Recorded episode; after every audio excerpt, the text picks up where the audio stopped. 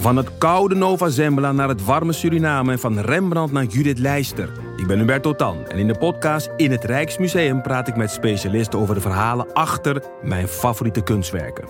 Nieuwsgierig? Beluister nu de nieuwe afleveringen. Ben jij of ken jij een vrouw? Of zie je er wel eens eentje lopen van een afstandje? Luister dan naar Damn Honey. Een podcast over shit waar je als vrouw van deze tijd mee moet dealen. Mijn naam is Nidia. En ik ben Marilotte. En in Damn Honey praten we met gasten en gooien we onze ziel en zaligheid op tafel over onderwerpen zoals fast fashion, Dik zijn, de menstruatiecyclus, worsten, validisme, catcalling, vrouwen in de politiek, sport en kunst, het niet-moederschap, seksueel plezier, autisme, heteronormativiteit, porno abortus. en meer. Elke zaterdag in je podcastfeed.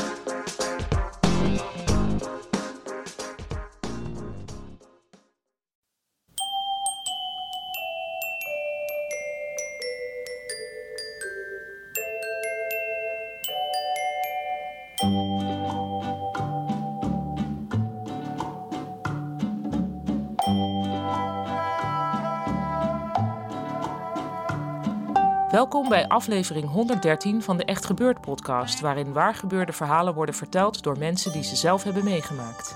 In deze podcast een verhaal van Hiske Versprillen. Het thema van deze Echt Gebeurd middag was Aan tafel.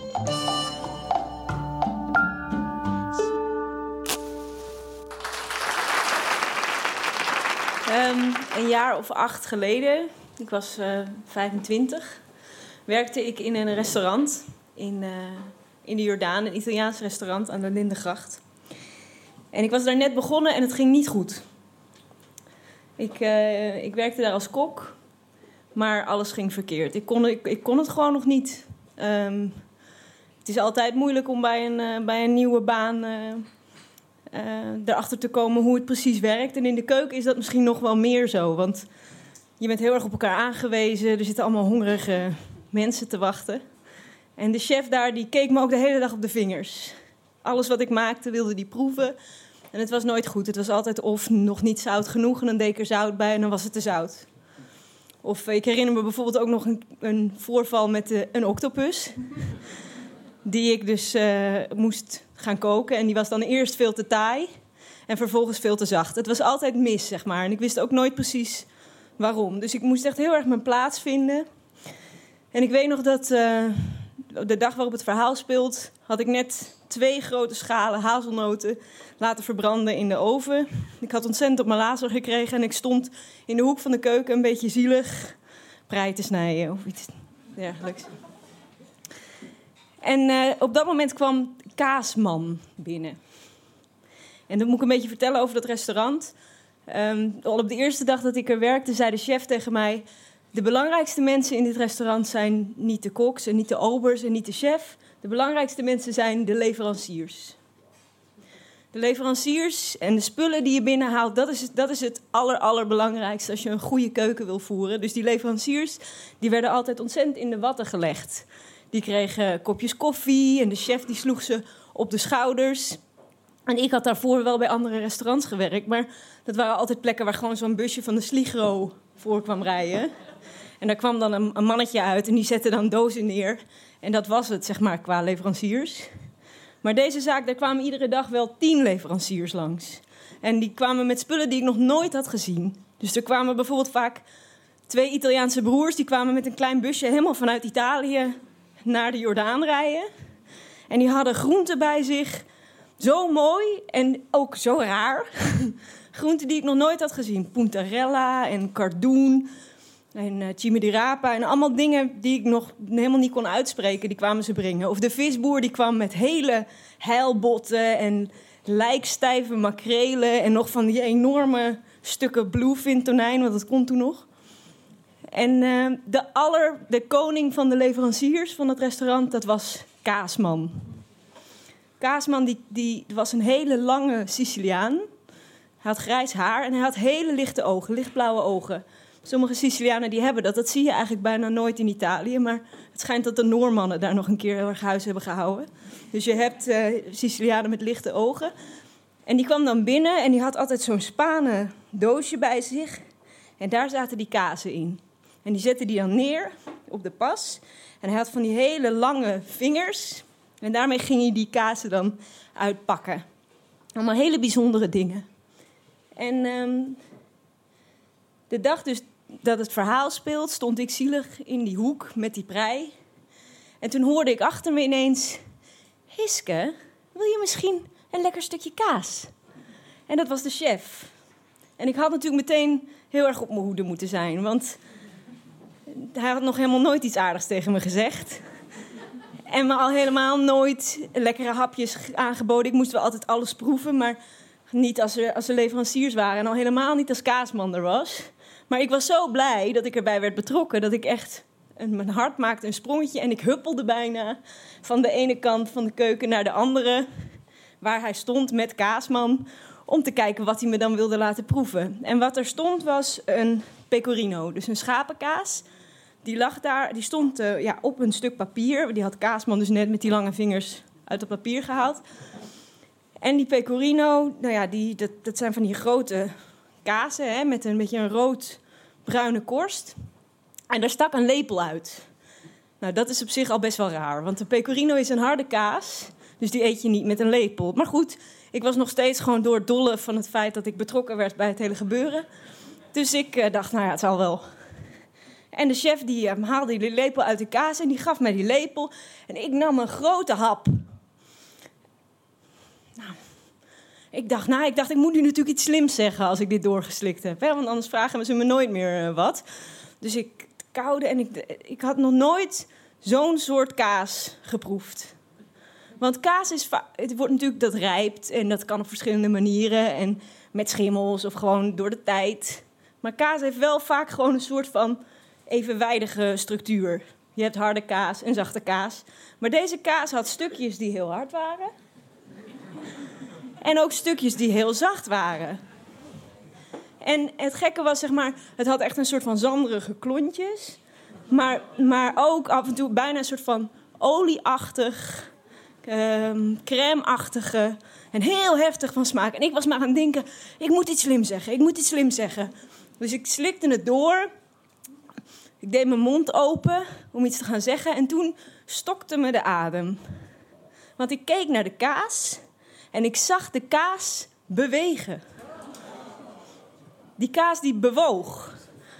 En, en, en op dat moment klapte de chef dubbel. En die schaterde het uit. En hij riep: Kazumartsu. Riep hij. Kazumartsu. Het is madekaas.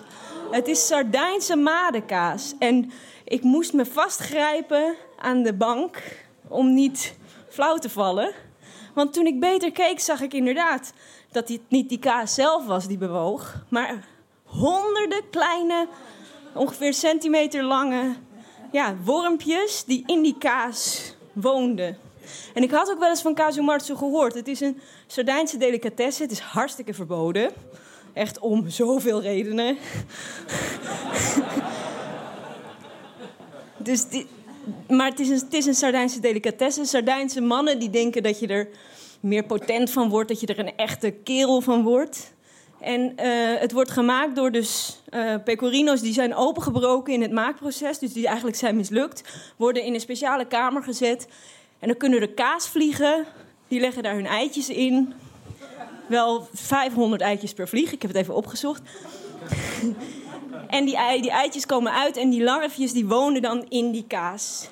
En ik keek dus naar die, naar die kaas en ik zag inderdaad dat er allemaal gangetjes in zaten. Als een soort bros zag het er eigenlijk uit. En ook op het oppervlakte van de kaas lagen allemaal een soort drolletjes. Zoals van die drolletjes van de zeepier die je op het strand wel eens ziet. Nou ja, ik stond daar nog steeds helemaal met die mond nog steeds open. En uh, zo naar die kaas te kijken. Nou, de chef die sloeg die kaasman nog een keer op de schouder. Maar die kaasman die kwam naar mij toe. En die legde een hand op mijn schouder en die zei... Je hoeft niet bang te zijn hè, voor, uh, voor deze kaas. Die, die wormpjes die, die zijn geboren in die kaas. En die eten hun hele leven alleen maar kaas. Ze zijn eigenlijk gemaakt van kaas. Het is eigenlijk alleen maar kaas wat je eet. En hij pakte een stukje, uh, ja, panne heet dat. Dat is van dat Sardijnse muziekbrood. Is heel dun en heel knapperig. En hij smeerde daar nog een lik van die kaas op. En hij nam zelf een grote hap. En toen zei hij tegen mij van... Bood hij me nog een stukje aan. En ik ach, en ik keek naar de chef en die had zelf namelijk nog helemaal niks ervan gegeten. En ik nam dat stukje kaas aan van de kaasman, ik nam een hap en ik zei... Buonissimo. Buonissimo, Kazumarzu. En ik draaide me weer om en ik ging weer terug naar mijn prei. Maar er leek toch een beetje iets veranderd daarna. Dus ik stond iets rechterop en ik durfde iets harder te praten. En het leek zelfs wel alsof de dingen die ik maakte ook wat lekkerder waren. Dus ik maakte die middag bijvoorbeeld een caponata en de chef zei... Nou, hij is niet te zout, hij is niet te zuur, hij is niet te zoet. Hij is perfect. En ik heb daarna nog met heel veel plezier heel lang bij dat restaurant gewerkt. Maar ik heb nooit meer kazumarzu gegeten. en als de kaasman langskwam daarna, dan kwam hij de keuken binnenlopen en dan vroeg ik... Hé hey, kaasman, heb je nog uh, madekaas bij je vandaag? En dan zei hij, nee, vandaag niet. En dan sloegen we elkaar op de schouder en dan ging ik weer aan het werk.